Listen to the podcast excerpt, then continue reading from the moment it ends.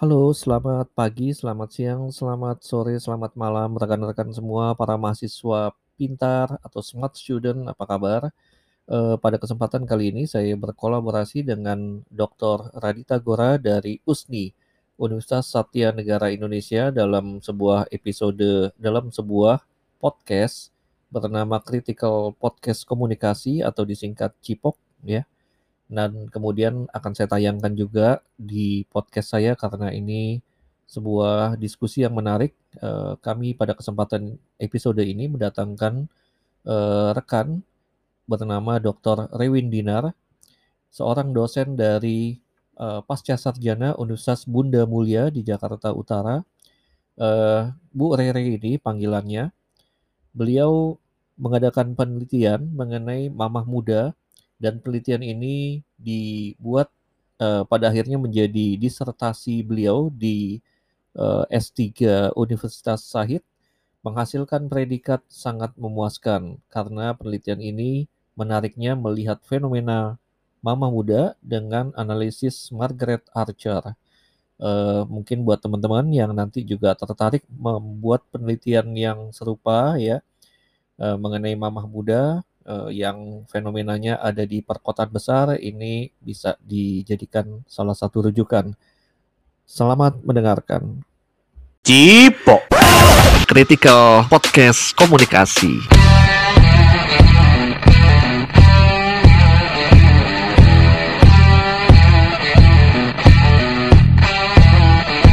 Halo teman-teman Critical Podcast Komunikasi Cipok bersama aku Radita dan partner aku siapa Pak? Uh, saya Yuri Alfrin Aladin. Oh, kalau siang, kalau siang Yuri Alfrin Aladin. Nah, kalau malam Yura. Uh, uh, ya? Tetap Yuri Alfrin Aladin juga.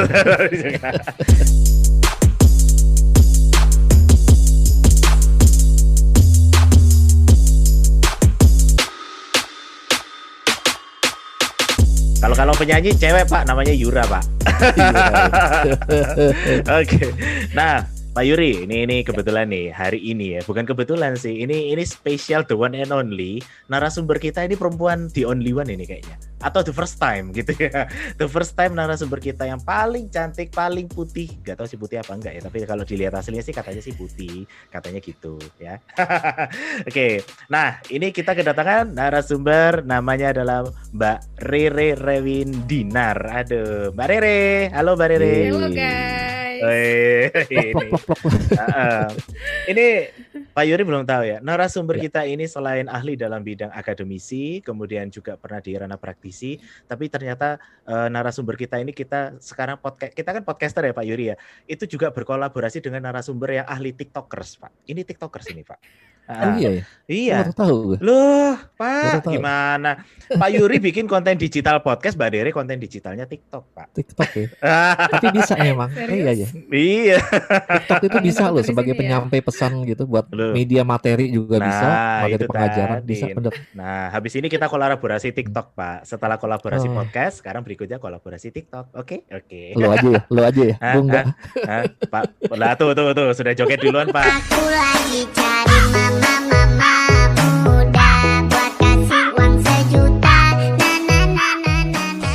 saya mau gitu cuman cuman malu sama perut pak masalahnya kalau iya, saya iya. gue malu sama mahasiswa gue pasti ketawain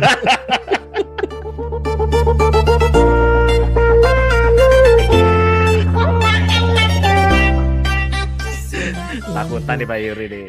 Nah, narasumber kita sekarang ini adalah akademisi dari Universitas Bunda Mulia, uh, program studi ilmu komunikasi uh, S1 dan pasca sarjana ya Mbak Ria. Uh, Iya betul. Nah, nah dan juga uh, narasumber kita ini uh, juga dari apa namanya BPK ya. Uh, BPK penabur. BPK itu apa sih? Badan Pemeriksa Keuangan ya, Pak? Apa? Bukan. Jadi oh, saya bukan. memang praktisi kehumasan yang bekerja di institusi pendidikan. Oh ya, Badan Pe Pembinaan Kristiani apa? Badan Pendidikan Kristiani. Oh ya, Pendidikan Kristiani. Tadinya saya pikir ini humasnya BPK, bad, ah, ini Pak, Badan Pemeriksa Keuangan, Pak. Uh, mantap. Kayaknya mukanya nggak keuangan ya, justru hedon kayaknya. Makanya saya orang humas muda nih. Iya. Pertama kali dengar katanya apa humas BPK. Waduh, ini Badan Pemeriksa Keuangan yang ngalang-ngalang KPK ini pasti. Tapi gue bisa bayangin loh, kalau dia ketemu sama wartawan pasti galak nih orang nih. Oh sih, pasti. Nah, justru mereka partner. Mereka iya. Ini ini kalemnya kalau di sini doang. Ntar kalau udah di luar, yeah. gitu. Masa sih? Oke, nah Mbak Yuri, ini ada ada pembahasan menarik loh. Ini kebetulan nih Mbak Re ini senior saya di salah satu universitas swasta di Jakarta. Kebetulan kita melakukan riset dengan pola yang sama. Bedanya hmm. kalau saya pijat terapis, kalau Mbak Re ini tentang mama muda. Wow. Bacanya gimana sih? Mama muda. Mama muda. Mahmud gitu. Mama Mahmud. muda. Hanya hanya yang benar yang hanya di belakang apa di depan sih? Mama. Oh, di depan doang mudanya pakai H enggak? Mudah gitu. Enggak ya? Oh enggak. Itu lagi nanti kalau mau mudah. Oh, mamah yang dimudahkan. Berarti mother isi gitu. nah, pembahasan kita nih Pak Yuri tentang mamah muda. Aku aku sebenarnya mau mau mau membahas tentang apa mamah muda bersama Mbak Riri. Cuma saya khawatir nih Mbak Riri sama Pak Yuri. Pak Yuri kalau udah dengar kata mamah muda ini udah ini otaknya udah ke mana-mana gitu loh. ya, ya, memang kalau mamah di rumah pasti gitu. Oh, pasti gitu Banyak ya. Banyak juga yang dengar Mahmud. Nah, mamah muda ya terutama nggak uh -huh. cuma di awam ya. yes. ya. Kalau di awam uh. kan uh, persepsinya tuh mamah muda tuh yang wah pokoknya hedon gitu ya. Yeah. selalu uh um, boleh dikatakan uh, party-party gitu ya kumpul-kumpul yeah. sama teman-teman tapi nggak di kalangan itu aja di kalangan dosen pun dan teman-teman waktu kita dulu ya mungkin ya uh -huh. apa sih penelitian mama muda gitu kan ya uh, pasti apa sih yang mau dibahas dari Mama Muda gitu. Wih, seru tuh, seru. Jadi Mahmud itu ah, Mahmud, bagaimana tuh Mahmud? disingkat. Mahmud atau disingkat Mama cantik antar anak. Oh, ya, oke. Okay. lalu uh, Mama muda habis beranak satu Mahmud Abbas. Ah. Jadi memang um, ada um, apa ya julukan-julukan itu yang diberikan oleh hmm. orang-orang hmm. gitu ya untuk hmm. uh, mamah-mamah muda ini yang punya anak tuh masih usia balita gitu ya sampai dengan SD yang sering kumpul-kumpul dan memang ada penelitiannya bahwa hmm. ibu-ibu yang punya anak satu gitu ya hmm. uh, itu justru paling menarik di kalangan pria. Nah saya tanya nih sama uh, Mas Gora sama uh, Mas Juri, bener nggak? Kalau saya carinya berondong, ya berondong. Berondong perawan lebih. Ya. perawan atau janda katanya lagu dangdut gitu. Ya nggak tahu mungkin Mas Yuri juga berpikiran seperti itu ada penelitiannya mm. itu kenapa juga saya ambil penelitian mama muda karena ya itu ada persepsi bahwa di kalangan mm. pria menganggap bahwa Mahmud itu adalah uh, punya kemandirian mm. setelah dia mm. lepas dari keluarga ya dari orang yeah. tua kemudian dia bisa mandiri bisa mengurus anak dan yang lebih penting itu berbeda dengan ibu-ibu tradisional yang dulu ah. kalau ibu tradisional yang dulu kan um, bajunya juga apa ya di rumah juga um, apa tuh dasteran gitu hmm. ya terus pokoknya diri sendiri tuh nomor sekian lah yang penting adalah keluarga suami dan anak diri dia tuh tidak hmm. diperhatikan hmm. tapi Mahmud ini justru sebaliknya Mahmud di modern ini justru uh, benar mereka selain mandiri tapi juga mereka sangat memperhatikan yang namanya uh, merawat diri itu hmm. makanya yang dibilang lebih terlihat menarik ya di kalangan pria karena mereka tidak hanya uh, mengurus keluarga tapi juga mereka pandai mengurus diri sendiri hmm. itu jadi um, stereotipnya kalau terlihat mereka kumpul sama temen lebih sepertinya gitu ya menghabiskan waktu waktu luang. Tapi ternyata justru mereka punya hal yang positif. Mereka bisa mandiri gitu ya mereka ngurus anak gitu sampai kepada yang namanya teknologi. Wih, ya kalau dulu kan nggak ada tuh. Kalau dulu kan yang namanya handphone belum ada mungkin ya.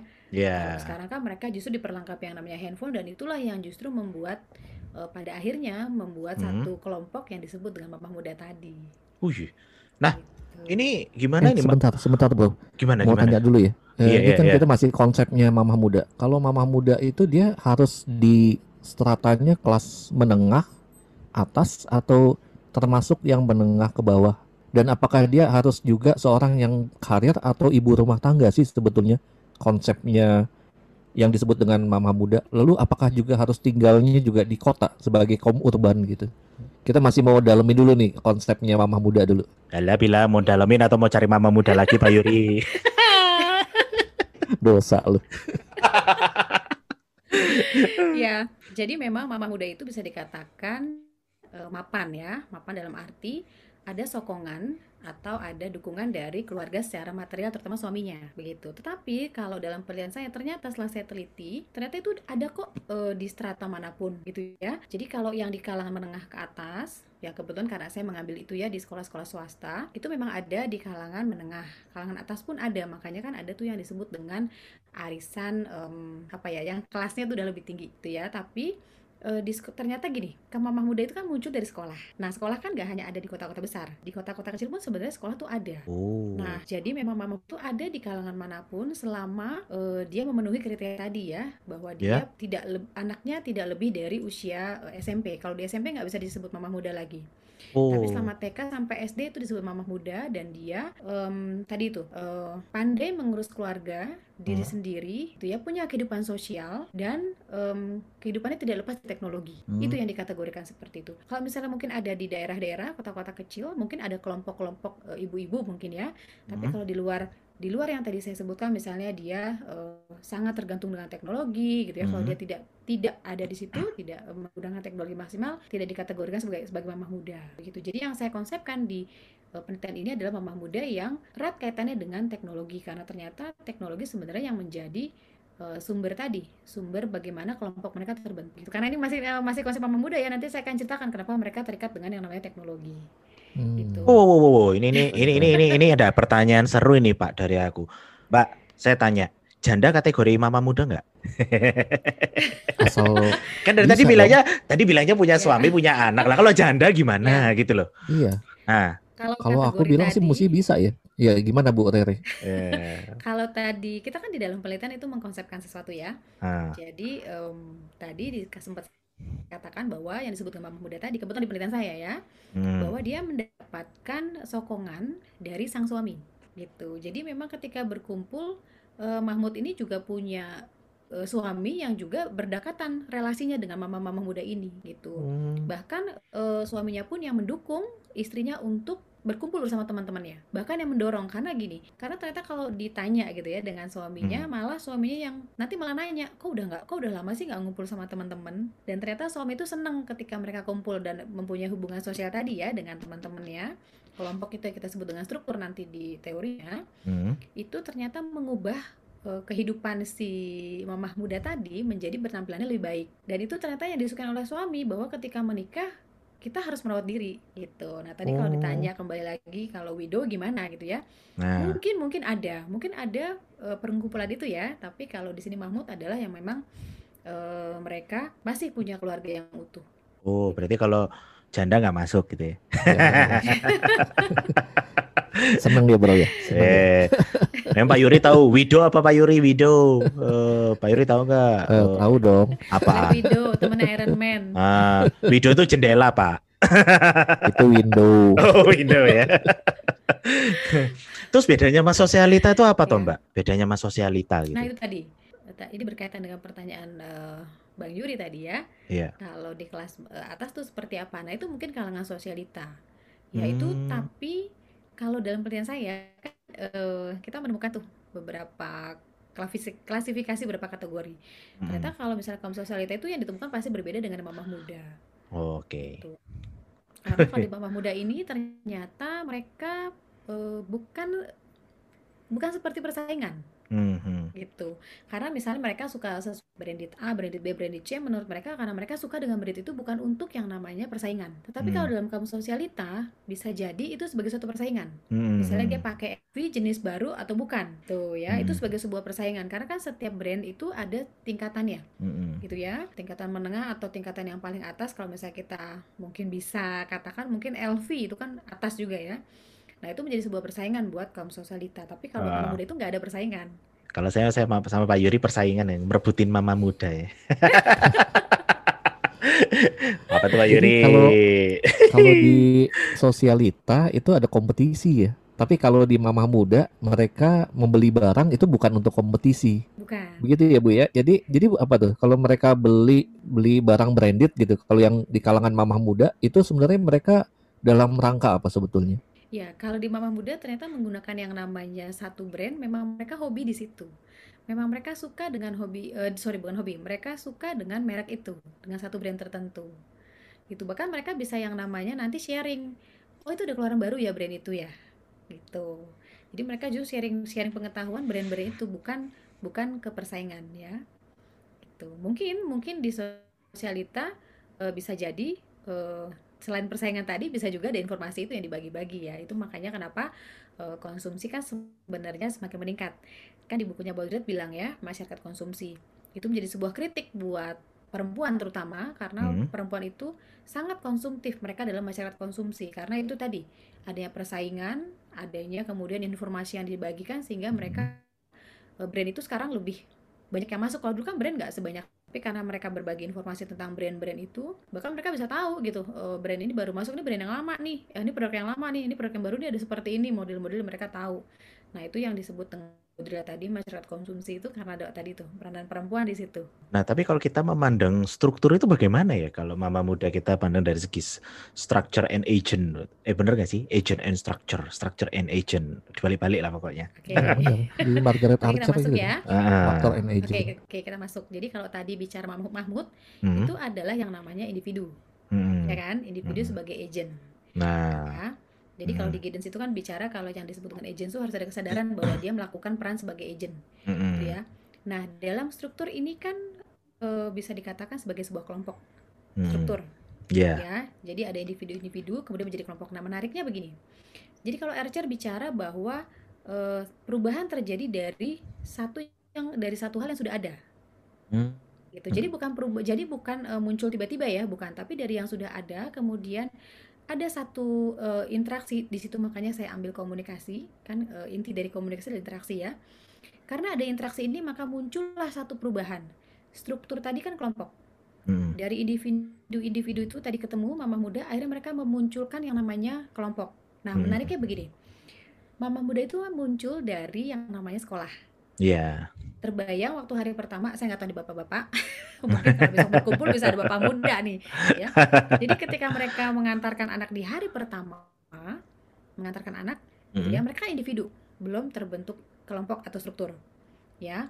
Kemudian karena ada teknologi, hmm. ya mereka ingin terhubung dengan orang-orang uh, yang sama dengan orang tua murid yang sama untuk berbagi informasi tentang sekolah uh, tadi mama muda sempat ditanya apakah yang mereka yang karir tidak bekerja itu bisa karir bisa bekerja tapi fleksibel selama mereka bisa uh, setelah mengantarkan anak kemudian mereka punya waktu berkumpul dengan sosialnya kemudian mereka pulang nah itu bisa dikategorikan sebagai mama muda ya hmm. nah ketika mereka berkumpul di sekolah belum kenal satu sama lain ter berkumpul yang namanya WA group sering kita alami kan hari ini kalau kita bergabung dalam satu komunitas, kita muncul di yang namanya WA group dan mereka itu mau mencari informasi. Itu sudah terbentuk struktur. Kita terbentuk kelompok oh, ya di dalam aha, satu WA group itu yeah. sudah yang namanya struktur gitu. Nah, kemudian uh, struktur itu dia apa terdiri dari individu-individu atau agent-agent. Mm -hmm. Gitu ya. Itu yeah. makanya sebenarnya kalau di Archer teori dia itu berangkat dari penelitian di dalam sekolah, dalam dunia pendidikan. Oh. Jadi misalnya kita nih sebagai mahasiswa ya, yeah. uh, kita masuk ke dalam sebuah institusi pendidikan itu sudah termasuk dalam struktur kita sudah menjadi sebuah struktur begitu. E, karena kan struktur ada keterikatan ada norma-norma ada ikatan-ikatan ada kurikulum ada apa pun itu kita sudah disebut yang namanya struktur. Struktur. Begitu. Hmm. nah kemudian terjadilah interaksi. Kalau yang tadi struktur itu berkumpul hanya karena yang namanya informasi ya kan? Hmm. nanti sharing nih mama-mama muda itu sharing kan di grup eh besok tugasnya apa sih? Ya kan? Ada kan golongan-golongan Mahmud yang males lihat agenda anaknya hmm. ya kan? Jadinya nanya di grup terus besok hmm. kok apa sih? Gitu kan bahkan kalau misalnya besok tugas ya bawa yang namanya misalnya prakarya. Hmm. itu bisa beli berbarengan gitu. Udah saya aja yang beli. Nah itu kan di dalam struktur di dalam kelompok ada yang namanya bagian tugas. Yang tugas gitu ya. iya betul. Ada buku video kayak kita deh. Kayak kita di kelas di kampus ada yang bagi-bagi tugas kan. Ada yang tugasnya menyemangati ada yang tugasnya bekerja ada yang tugasnya cuma komentar. Yeah. itu itu terjadi di dalam struktur mama muda ketika tadi informasi menjadi satu hal yang penting melalui teknologi melalui WA group. Nah seiring perjalanan ada uh, interaksi. Foto dekan loh itu kalau gue mah nggak ada jabatan sih itu dekan. itu, tapi sama aja ya. Bang Yuri. ya ya bagaimana tanggung tanggung jawab tanggung jawab tanggungnya tadi belum. Uh, tanggung dalam arti apa nih? Tanggung jawab. Oke, lanjut ya. Yeah. Jadi ketika mereka bertemu di sekolah, lama kelamaan kan mereka ada yang nunggu nih di sekolah nih. Hmm. Ya kan? Mereka bilang gini, aduh tanggungnya pulang-pulang ke rumah, ntar jemput lagi. Padahal oh, cuma dua jam tadi. Gitu. Mahmud kan ah. tadi TK tuh, TK kan dua tiga jam doang. Pulang hmm. tanggung. Jadi ya udah yuk kita ngumpul-ngumpul yuk. gitu. Oh. Nah, ngumpulnya ini mereka mencari yang namanya resto yang lagi baru buka. Resto baru buka, resto yang buka buka pagi karena kan jam 7 nganterin anak. Jadi jam 8 tuh udah harus Ah, buka. hmm. Dan harus punya lokasi yang instagramable. Oh, bagus untuk foto Ya, status. betul. Gitu ya. Nah, itu ada Iya. interaksi di situ. Nah, lama-kelamaan berjalan-berjalan gitu ya, sehingga muncul yang namanya aturan-aturan kelompok. Hmm. Aturan kelompok tuh gini, oke eh, kita besok pakai kostum yuk. Misalnya besok hari ini nih, besok hari Kartini, yuk kita pakai kebayaan. Nah, ternyata itu adalah sebuah aturan di dalam kelompok. Oh, ha, ha, ha. Gitu. Nantinya, tadi kita udah belajar kelompok ya, struktur ya. Ada Iya. peran, ada peran sebagai ketua kelompok. Tiba-tiba nih, ketika misalnya ada yang bilang, ah enggak ah malu ah. Kan ini kita bicara eh, bagaimana sebuah kesepakatan dibuat dalam kelompok ya. Nah, yang bilang malu itu nanti ada ketua kelompok yang bilang, nggak bisa, harus ikut. Karena kan nanti di foto jelek.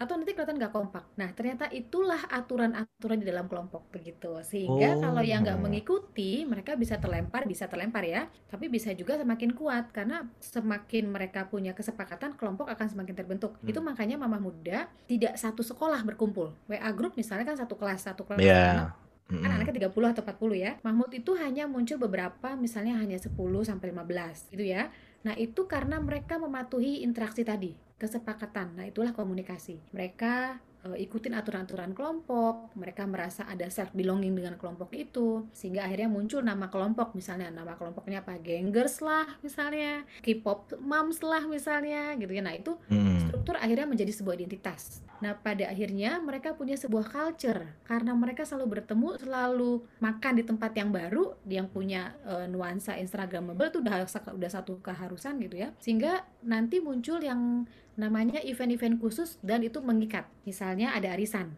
lebih terikat lagi kan aturannya. Struktur lebih terikat lagi tuh arisan, pasti harus datang, pasti harus ikut ya pasti eh, nggak enak nih kalau nggak ikut gitu. Jadi semakin kuatlah mereka. Nah, pada akhirnya yang namanya struktur di awal, tadi udah ketemu ya struktur di awal ya. Iya. Ketika bertemu di grup gitu ya, di grup di WA grup, ketika informasi menjadi satu hal yang penting, tapi seiring berjalannya interaksi itu, eh, komunikasi bukan lagi sekedar informasi ya, tapi menjadi sebuah simbol. Simbol bagaimana mereka menjadi sebuah anggota di dalam sebuah kelompok. Oh, Di Archer itu mengatakan gitu. bahwa struktur yang awal Mm-mm. akan berubah seiring tadi ada interaksi ya interaksi A interaksi eh, A abstrak kalau dia di apa di eh, ada model dia gitu ya jadi Hmm. interaksi itu di awalnya sebagai informasi tetapi kemudian berubah menjadi sebuah simbol Oh, interaksi interaksi simbolik bukan beda ya? Eh, kita pakai konvergensi simbolik Oh, konvergensi simbolik ya. ya bagaimana menyatukan simbol-simbol itu gitu Ah, ya ah, ah.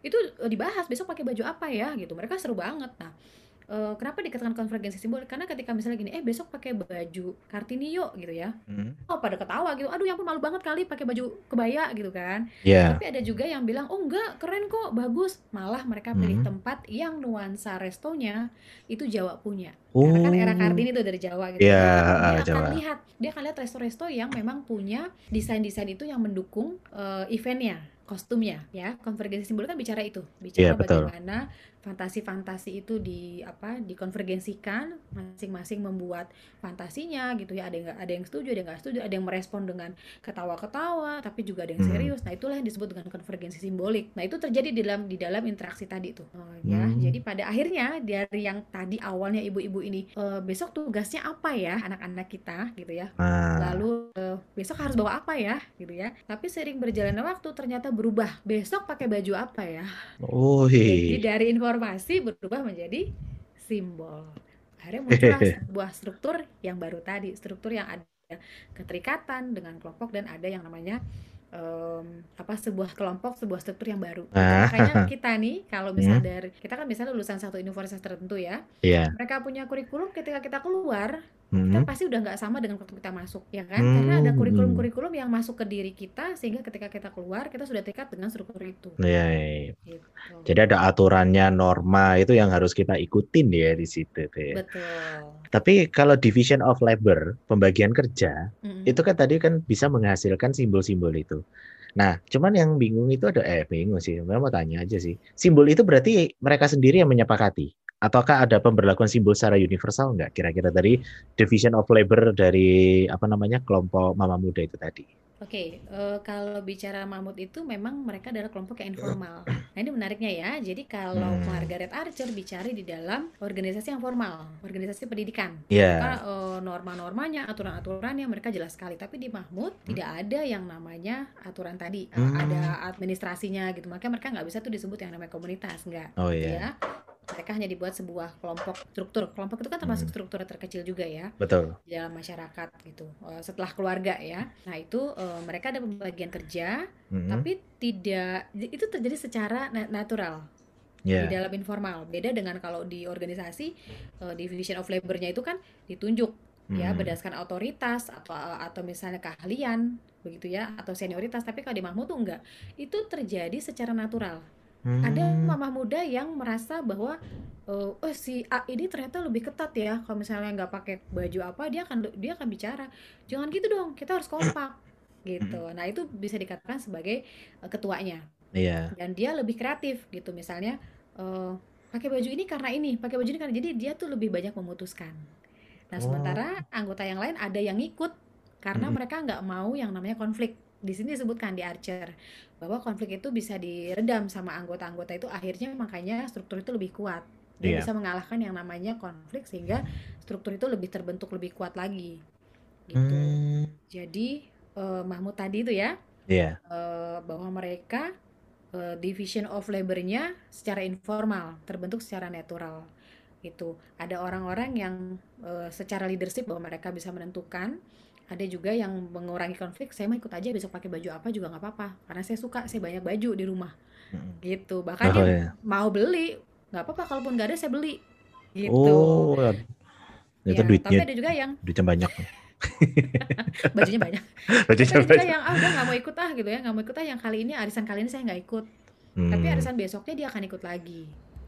Oh, bisa jadi ya agak jadi itu juga ya agak aneh juga ya kalau kalau di apa namanya di organisasi formal kan dia jelas gitu aturan ada sanksi gitu ya hmm. sangat mengikat yeah. tapi kalau yang di uh, seperti apa kita kalau kelompok-kelompok ya begini kelompok kecil komunitas gitu ya tapi kelompok kecil gitu nah seperti itu aturannya juga kan sebenarnya nggak terlalu mengikat ya dan nah, sanksinya itulah. juga nggak nggak jelas sanksinya yeah. apakah betul akan ditegakkan atau enggak gitu Kemudian sanksinya sih nggak ada hmm. ya. Sorry, sorry saya potong. Kenapa hmm. tadi kemudian? lanjut, lanjut. Nah, jadi sanksi memang tidak ada, ya. Tetapi tadi ketua kelompok akan harus mengatakan nanti nggak kompak di foto karena mereka itu foto nggak sembarangan. Mereka mengundang khusus yang namanya fotografer. Wih, sampai segitunya? Ya.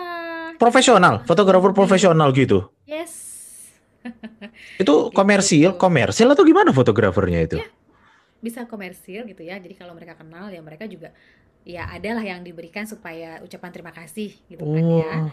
Gitu. Dan mereka juga pengen yang namanya Instagramnya itu ada orang-orang yang perfeksionis kan ya. Instagramnya yeah. itu harus bagus. Waduh. Makanya baju harus sama gitu. Dia akan bilang e, harus pakai baju yang sama karena karena nanti bisa jelek kita sampai udah pakai fotografer nih. Buset. Tuh. Dan itu nah, dibayar juga tuh fotografernya itu ya. Ya tadi ucapan terima kasih ya. Oh gitu, cuma dibayar cuma dibayar terima kasih doang. Ya, pro project thank you dong. no, wujud terima kasih apa aja ya. Nah, atau apa pun gitu ya. Ah. Tapi itulah dunia mereka dan mereka juga senang sama yang namanya foto-foto tadi. Oh. Nah, selain sanksi ada konsekuensi tetapi terjadi di dalam diri internal masing-masing hmm. individu. Hmm. Dia yang hmm. merasa merasa sendiri, oh nanti saya nggak kompak. Kan misalnya nih baju kita sama semua pink, tiba-tiba hmm. ada biru sendiri kan malu dong. Iya. Yeah. Jadi mendingan kalau saya nggak punya ya mendingan saya nggak ikut. Jadi oh. lebih kepada konsekuensi internal, bukan sanksi eksternal. Oh, konsekuensi internal. sanksi moral ya. Sanksi aku, moral lagi. Aku aku mau ngelamar jadi fotografernya bisa nggak ya? Kali aja dapetnya. nggak dapat nggak dapat duitnya nggak dapat duitnya nggak dapat dapat mamanya juga boleh deh Kayaknya kita nah. perlu bikin ini juga nih satu komunitas papah muda. Maaf, Pak Yuri usianya udah kelewatan. oh iya, papah tua. Eh. Nah, tapi ngomong-ngomong uh, gini, Bu Tere. Jadi kalau kalau udah kebentuk gitu ya, udah kita juga udah lihat struktur dan agents gitu. Kemudian uh, pengen tahu juga sebenarnya dalam penelitian tersebut dampaknya sebenarnya apa sih dengan terbentuknya apa namanya komunitas atau kelompok-kelompok kecil yang punya aturan-aturan, ada struktur, ada agents gitu. Apa kira-kira dampak yang terjadi gitu sehingga kita harus melakukan penelitian tersebut? Nah, di dalam kajian budaya ya, jadi kan rutinitas begitu ya atau adanya eh, apa kegiatan-kegiatan yang rutin tadi ya dengan aturan-aturan kan bisa disebut dengan culture. Nah ini yang menariknya dari morfogenesis. Jadi kalau uh, antropologi bicara budaya adalah mitos, hmm, ya kan? Betul. Bicara bagaimana dulu hubungan-hubungan ada kekuasaan gitu ya, hmm. ada mitos lah gitu, ada iya. paksaan-paksaan kita harus melakukan yang namanya ritual. Hmm. Tapi kalau di dalam sosiologi budaya kan adalah alat, hmm. ya kan? Betul. Bisa alat untuk uh, bagaimana yang dominan ke subdominan gitu ya atau dari yang kapitalisme itu ya bicara budaya ada alat lah itu untuk penguasaan dari satu uh, apa satu golongan tertentu masyarakat gitu ya hmm. tapi morfogenesis ini menarik dia bicara culture adalah idea jadi Mahmud ini bicara culture karena mereka selalu munculkan ide dan hebatnya ide mereka tidak ada batasnya setiap hari berbeda gitu hari hmm. ini mau pakai body ya uh, nuansanya um, apa era Kartini ya misalnya hmm. mereka pakai baju daerah besoknya dia bisa pakai baju apa aja misalnya hmm. film apa sih film-film yang naik kuda naik kuda itu cowboy cowboy pakai baju itu gitu Uish. apalagi gitu ya besok pakai baju Valentine pink misalnya hmm. besok misalnya nuansa uh, nuansa tahun baru misalnya kan pakai gold nah idenya mereka tuh nggak bisa nah inilah yang menariknya dari uh, morfogenesis ya bicara culture bicara sebuah idea nah ini muncul ya karena ada hubungan ke uh, apa interaksi tadi ya hmm. antara struktur dengan culture. Hmm. Nah ini terjadinya tuh timbal balik struktur ke culture, culture ke struktur. Struktur, oh struktur culture, culture struktur. Eh ya. hilang dong? Kalau Enggak ya?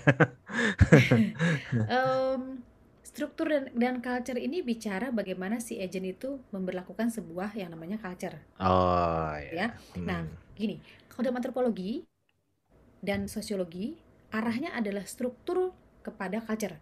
Bagaimana yeah. struktur membuat yang namanya budaya untuk penguasaan satu arah. Hmm, betul. Tapi kalau morfogenesis, ya kan, dari hmm. kelompok tadi, ya dalam kelompok dalam struktur ada individu-individu ya, ada hmm. interaksi tadi. Struktur ini membuat yang namanya culture, membangun culture. Hmm. Tapi culture juga membangun yang namanya struktur. Hmm. Karena dari budaya-budaya itu tadi muncullah sebuah kelompok hmm. muncul sebuah kelompok, kelompok. baru. Iya. Yeah.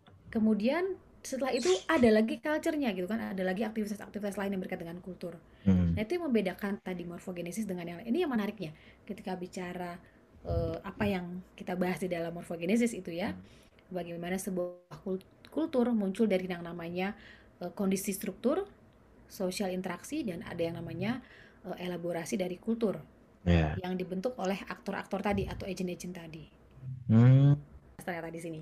Hmm. Ya, tapi kalau Archer ternyata bicara yang namanya uh, ada otonomi relatif dari struktur dan budaya berarti dua uh, dualisme. Oh, dualisme. Berarti menyatu dong. Ya kan? Agent structure itu seperti menyatu gitu kan. Artinya ada ada ada lingkaran yang tidak terputus kan berarti di situ. Oke, kalau Archer justru bicara uh, masing-masing berdiri sendiri. Culture oh. berdiri sendiri, uh, struktur Structure. berdiri sendiri. Mm. Nah, di antara struktur dan culture ada yang namanya interplay. Nah, interplay mm. tadi adalah interaksi atau iya. komunikasi. Yeah. Mm Gitu. Oh, interplaynya itu berarti ya. ya, itu makanya, uh. itu makanya penelitian saya adalah penelitian komunikasi karena bicara interaksinya tadi. Mm, betul gitu. Karena kan banyak ya, terkadang banyak yang penelitian-penelitian komunikasi, tetapi kadang lari gitu. Kadang Larinya lari ke mana-mana. Lari ke mana-mana ke sosiologi gitu ya. Nah di sini walaupun Archer termasuk uh, teori-teori uh, struk, uh, apa teori-teori strukturasi gitu ya, kalau bicara hmm. dari uh, sosiologi, tapi saya membahasnya dalam komunikasi tadi. Interplay uh. tadi adalah sebuah komunikasi yang berubah dari informasi menjadi simbol. Simbol. Ya. Ini Pak Yuri kenapa ngelamun aja Pak? Bayangin ya Pak. Simbolnya berupa kesepakatan. Enggak, tapi sebenarnya uh, menarik juga ya. Jadi berpikir ya Bro. Uh, hmm, kalau hmm. apa tadi dengar dari Bu Rere, jadi berarti eh, kelompok-kelompok uh, kecil mamah muda semakin semakin lama semakin menyebar ada di kota-kota besar terutama barangkali ya. Hmm. Sebetulnya dia bisa melakukan perubahan sosial juga. Benar nggak? Dikumpulkan Betul. untuk hal-hal yang positif karena mereka kan mampu mem mempengaruhi culture juga gitu pada akhirnya. Benar nggak, Bu? Betul. Betul, memang ini yang terjadi. Jadi kita ini kan berada di dalam yang namanya masyarakat. Uh, kalau um, network society, hmm. tiba-tiba lupa. Uh, yeah. Siapa yang bicara network society? Anu. Kastel. Kastel, ya, Kastel, Kastel tentang bicara, jaringan, ya jaringan betul. sosial. Hmm. Jadi karena ada pengaruhnya teknologi, maka muncullah kelompok-kelompok informal tadi, ya kan? Betul, betul, betul. Nah, itulah menariknya di uh, apa penelitian saya gitu ya, karena kalau di Archer pun bicara di organisasi hmm. atau institusi yang formal. Hmm. Nah, justru yang bedanya adalah gimana sih kalau di kalau di uh, informal kita lihat dari kelompok-kelompok yang terbangun karena adanya jaringan komunikasi tadi ya melalui grup, melalui yeah. telepon, melalui handphone ya, karena kan hmm, semua udah hmm. pakai mobile. Yeah. Nah, ternyata masyarakat kita tuh sekarang seperti itu, kelompok-kelompok kecil yang terjadi, hmm. ya kan? Betul betul. Nah itu salah satu pengaruhnya dari tadi tuh supaya difoto ya masuk ke Instagram, oh lagi ngumpul nih sama kelompoknya. Hmm gitu. Berarti kayak ini ya, kalau kita memandang dalam Castel Stakeholder Society itu kan seperti apa dalam tradisi sibernatika itu apa namanya? Uh, artinya bahwa ada pembentukan klik ya istilahnya ya, kan ada pembentukan klik-klik gitu kan? Iya. Di situ. Nah, uh, tetapi uh, klik itu kalau di dalam mama muda itu, itu memang dari awal kelompok itu terbentuk atas dasar klik, ataukah ada gap? Kalau klik itu kan sebagian kecil dari gap. Nah, mereka terbentuk itu awal dari gap atau sudah langsung dalam klik. Ya udah, gue cocoknya sama sini. Aku kliknya sama Pak Yuri loh. Misalkan kayak gitu hmm, gitu kan. Oke. Okay. Nah, ini menariknya ya. Jadi yeah. kalau tadi di awal mereka terbentuk karena ada sebuah kebutuhan yang sama sebagai orang tua murid. Oh, Apa okay. sih kebutuhannya? Informasi. Jadi tidak ada klik. Mereka berkumpul menjadi struktur karena memang dasar kebutuhan untuk uh, memudahkan kehidupan hari ini ya oh, tadi saya sempat cerita kalau dulu yeah. kan kalau orang tua kita nih orang tua gitu ya kalau lain anak besok ada tugas kita ke mana-mana cari sendiri nih yeah. bahan-bahannya tapi uh. sekarang kan ada teknologi mereka ada atas dasar kebutuhan itu hmm. uh, mereka bergabung yeah. belum ada yang namanya klik-klikan hmm. ya nah tapi kalau tadi saya jelaskan sepanjang perjalanan itu ada interplay ada interaksi dari informasi menjadi simbol hmm. di situlah muncul yang namanya uh, bukan klik ya tapi hmm. tadi orang-orang atau Mahmud yang uh, mau memenuhi aturan-aturan kelompok, yeah. culture tadi, mm-hmm. akhirnya terbentuk jadi sebuah struktur yang baru. Oh ya. Gitu. Artinya ada ada satu kelompok baru, ada struktur baru kan di situ juga kan. Betul. Ah. Jadi sebenarnya bukan klik ya, tapi mm-hmm. bagaimana mereka akhirnya ikut aturan-aturan culture tadi. Berarti kalau gitu kelompok itu tidak tidak bertelur sebagai sub kelompok kan berarti? Artinya. Um, atau atau ada yang bertelur nggak ada istilahnya ada kelompok kecil di dalam kelompok besar gitu nah itu tadi karena ada yang ikut aturan-aturan baru eh, ada aturan-aturan kelompok tadi uh akhirnya muncul sebuah kelompok yang tadi tiga oh ya orang oh berarti klub klub kelompok besar ada 15 oh jadi kelompok ya. besar bertelur menjadi ke sub kelompok sub sub kelompok kecil gitu kan? Betul okay. tapi tidak terpisah ya. Tidak terpisah. tidak terpisah. karena mereka tetap bergabung di dalam struktur di awal tadi yang tergabung dalam WA group. Mm -hmm. tetap satu kelas 30 orang tetap Oh, satu itu 30 orang gitu tadi. Hmm, jadi muncul dari situ. Nah, ini kalau kita menelaah dari segi berarti gini ya. Uh, dari tadi itu yang ada dalam muncul pertanyaan saya, apakah mama muda itu memang dikatakan mama muda itu dalam aspek modernitas atau pra pramodernitas itu enggak ada yang istilah mama muda. Kalau kita melihat ya. dari struktur itu tadi gitu kan. Oke, kalau bicara di dalam uh, Mahmud ini kita bicara hmm. ibu-ibu tradisional, hmm. gitu ya, hmm. dengan ibu-ibu modern. Hmm. Kenapa yang membedakan adalah itu teknologi. Yeah. Jadi mama muda itu terkait dengan yang, yang namanya teknologi tadi. Oh. Tergabung di dalam kelompok pun karena teknologi. Aktivitas sehari-hari pun mereka menentukan tempat makan, misalnya mereka akan searching itu di Instagram atau searching di tempat-tempat makan Hmm, bukan GoFood ya, bukan. yang Instagramable. Ya, ah. di Instagram. Ah. Pada akhirnya juga mereka akan posting kegiatan mereka di Instagram. Oh, Ya, berarti kalau kalau kita simpulkan berarti mama muda itu sebenarnya lahir ketika masa modernitas kan? Yes, Per- tadi pengaruhnya dari Uh, teknologi. teknologi kan, berarti masa modernitas kan di situ. Betul. Jadi Ini, kalau Ah, gimana gimana? gimana? Jadi kalau saya tekankan lagi gitu ya, Mm-mm. eh, bahwa di sini hmm, Archer melihat bahwa agensi dan struktur sebagai dualisme. Dualisme, Gitu ya. oke. Sementara kalau Giddens bicara mengenai Dualitas. dualitas. Ya. Tuh, ya. Kalau kalau Bourdieu itu namanya dualisme gitu, habitus dan Kalau- ranah. Betul, kalau Bourdieu ya eh, dia Ah. melihat hubungan agensi struktur tadi pada hubungan dialektik antara habitus eh, dan field Ah, tadi. Dan field betul. Ya, kalau Habermas Ya, bicara tentang life work. life for dunia kehidupan kan Life gitu. Ya. Tapi sebetulnya kalau kita melihat dari kehidupan mak-mak muda ini ya, muda ini, sebenarnya kalau kita menelusuri itu kan juga tidak lepas dari habitus juga toh kebiasaan mereka ketika berkumpul, ketika bersama keluarga. Ah, Tapi ini skop skopnya sendiri itu ketika mereka berkumpul atau ketika bersama keluarga juga ditelaah atau tidak kira-kira? Nah, karena fokus saya di interaksinya, Heeh. ya bicara interplay tadi, jadi kita Hmm. bisa membahas Mahmud tuh dari dari apa pun ya, dari Hmm. masyarakat konsumsi pun bisa, karena mungkin kalau kita mau melihat bagaimana mereka gaya hidupnya itu juga bisa gitu ya. Hmm. Kalau mau lihat dari habitus juga bisa, tetapi karena di sini kita mau melihat bagaimana komunikasi bekerja, Iya. gitu ya. Saya melihat ternyata ada perubahan komunikasi di awal dengan dengan yang kemudian gitu ya. Jadi Hmm, kita hmm. menggunakan yang namanya Margaret Archer. Oh, Oke. Tuh. Ben- apa kalau ini Re, jadi kan pertama gimana sih cara metodenya? Pertama dengan eh, teori Margaret Archer dulu gitu ya, Mhm. menggunakan morfogenesis, kemudian baru berikutnya eh, Rere menggunakan yang itu ya, yang konvergensi simbolik atau dia berjalan eh, berbarengan gitu di dalam Nah. analisisnya. Ini pertanyaan yang menarik kalau bicara di analisis ya. Konvergensi simbolik itu bicara bagaimana struktur terbentuk kan ya. Bagaimana Iya. struktur terbentuk eh, dari ada interaksi, konvergensi tadi, simbol-simbol. Ternyata yang namanya konvergensi simbolik ini terjadi di dalam morfogenesis Hmm. gitu. Jadi kalau morfogenesis itu kan tahapan awal struktur. Setelah Hmm. struktur ada interaksi. Iya. Interaksi dari informasi menjadi simbol. Nah, di sinilah konvergensi simbolik terjadi ternyata. Oh. Muncullah struktur yang baru.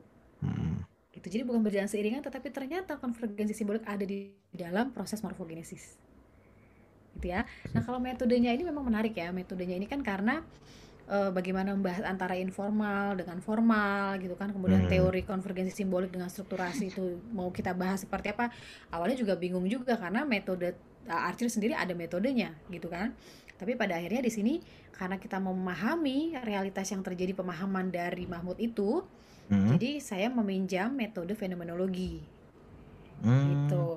Bukan teori ya, tapi fenomenologi metodenya.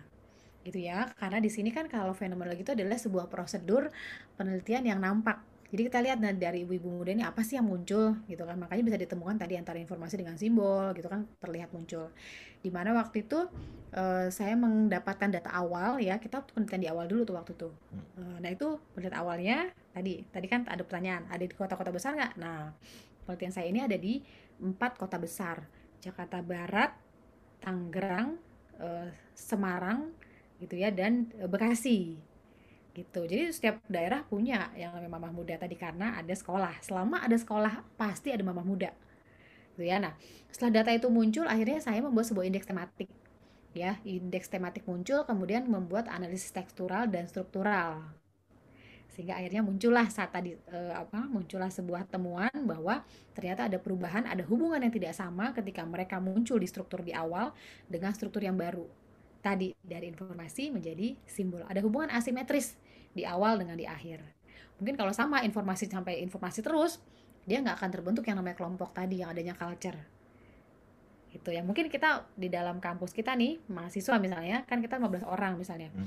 selama kita tergabung di grup kita itu hanya membahas informasi-informasi struktur nggak akan berubah Iya. tapi kalau sudah mulai besok ke mana yuk besok pakai ini yuk udah ada aturan-aturan muncul Hmm. ya dan akhirnya terbentuk struktur yang baru yang jumlahnya mungkin nggak 15 tadi gitu ya nah itulah adanya hubungan simetris di awal dengan di akhir itu Oh. bicara morfogenesis Tapi an aneh ya, sebetulnya agak-agak unik aja sih tadi Pak. Dia bilang metodenya fenomenologi gitu ya. Sementara kalau saya lihat bukankah agent atau structure itu kan bisa dilihat dari dua sisi kan, agent makro, agent mik apa, agent makro, agent mikro gitu atau structure makro, structure mikro.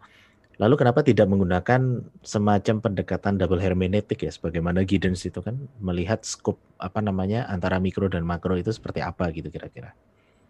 Nah, tadi menariknya lagi nih, mama muda kita tidak melihat uh, se apa bagaimana terjadi di dalam sebuah skup yang formal. Hmm. Ya, kalau bicara penelitian awalnya Archer kan dia bicara di lingkupnya informal, mikro, mikro dan makro formal. Eh, formal mikro ya. dan makro. Ya, gitu. Oh ya formal ya tadi dia. Uh. Ya. Uh, Archer itu bicara makro juga kenapa? Karena uh, individu-individu yang masuk ke dalam organisasi itu kan menjadi sebuah uh, institusi yang besar.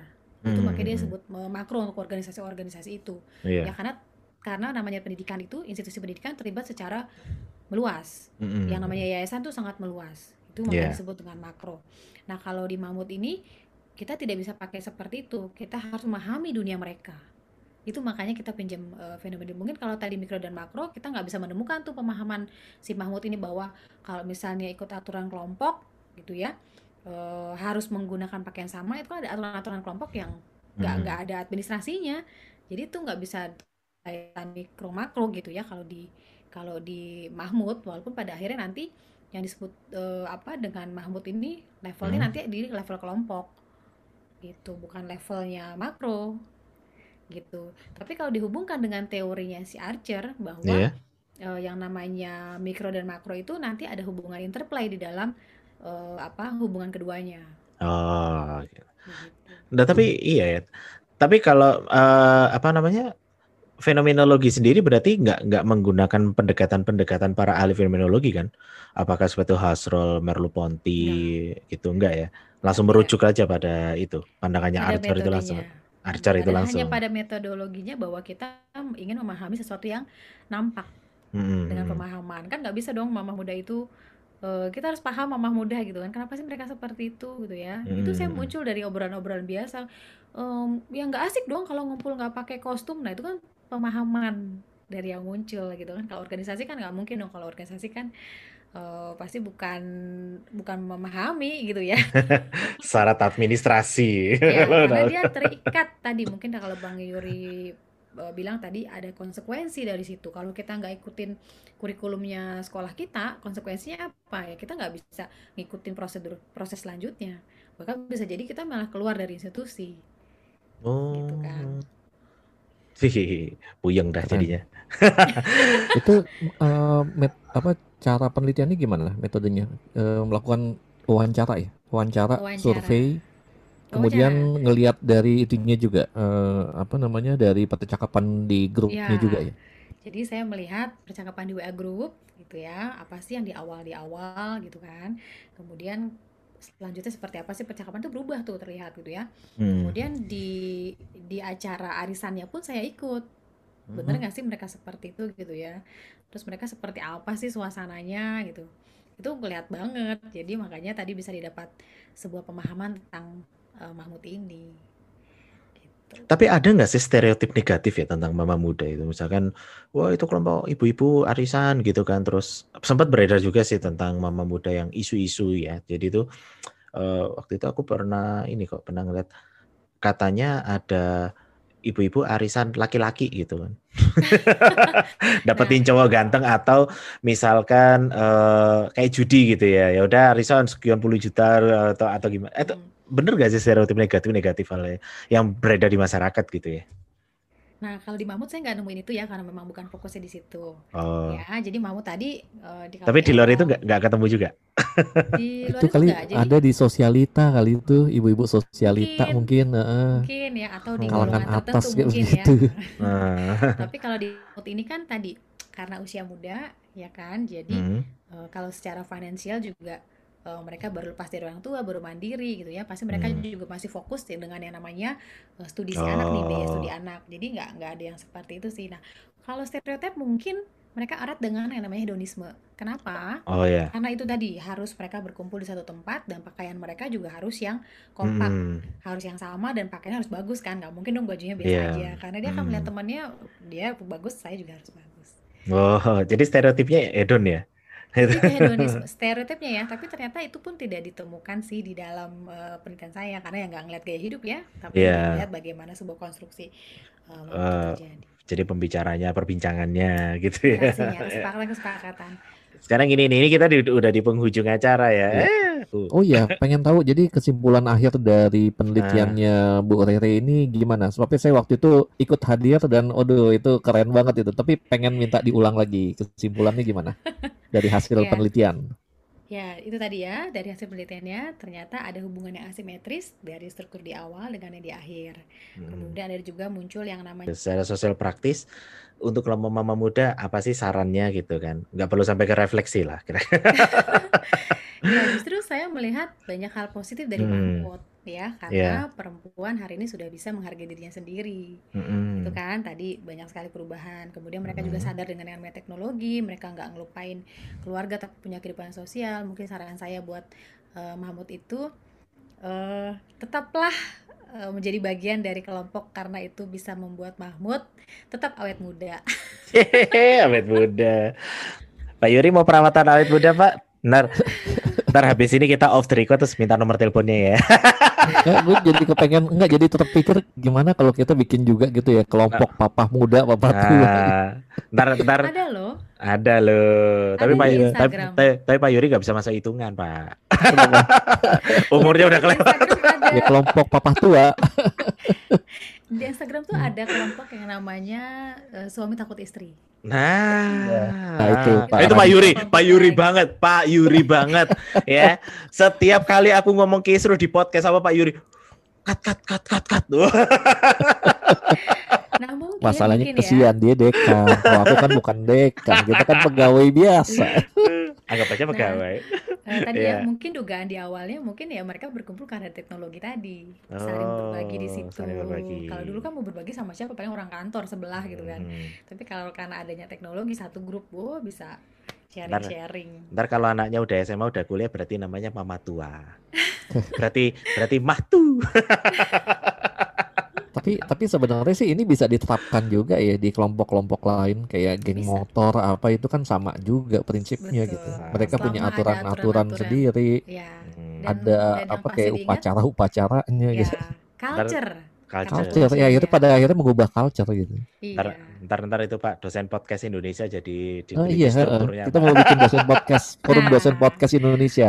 Nah, Nanti akan mengubah gitu culture ya. dari para pendidik juga menggunakan podcast sebagai media pembelajaran. Nah, Ya, langsung, gitu. langsung the division of labor. Hai. Mantep dah. Mantap dah. Oke. Oke bro, bungkus kesian Mbak Rere mau Bungkus tidur. sih, ini udah udah tidur ya, udah udah keburu mau kumpul sama mama muda di sini dia. Ya, tapi keren-keren banget ini penelitiannya nih. Ini menarik nih, Iya. baru sekali ini mengaitkan mamah muda dengan penelitiannya Archer dan Betul. Borman ya, betul ya. Archer dan Borman ya. iya. Tidak. Mengalahkan penelitian terapis lo bayangin coba. Sama lah terapis juga luar biasa sampai Hijab plus satu plus lah. ini. Iya, Ada aja. Tuh, kehadiran mama muda itu seminggu sebelum terapis. Nah, oke teman-teman, ya Critical Podcast Komunikasi Cipo. Nah itu tadi ya perbincangan seru dengan Mbak Rere bicara tentang mamah muda loh. Gak banyak yang tahu loh soal mamah muda. Tapi setelah adanya Mbak Rere, wah kita jadi mau tahu semua. Kali aja besok-besok ini mahasiswanya Pak Yuri, mahasiswa saya ini langsung gede-gede. Ah cita-citaku jadi mama muda gitu. Membuat perubahan sosial Yang penting positif, gitu ya. yang positif. Positif. Melalui itu kelompok mamah muda bisa. Oke, terima kasih kepada teman-teman Cipokers ya. Jangan lupa untuk selalu mendengarkan episode per episode dari Critical Podcast Komunikasi Cipo. Dan sebelumnya terima kasih banyak Mbak Rere atas waktunya ya. Untuk- Terima kasih Ya, Mbak Rere. ya. Terima banget Bang salam. Bora. Ya, salam untuk semuanya, selamat malam dan sehat selalu. Sehat selalu.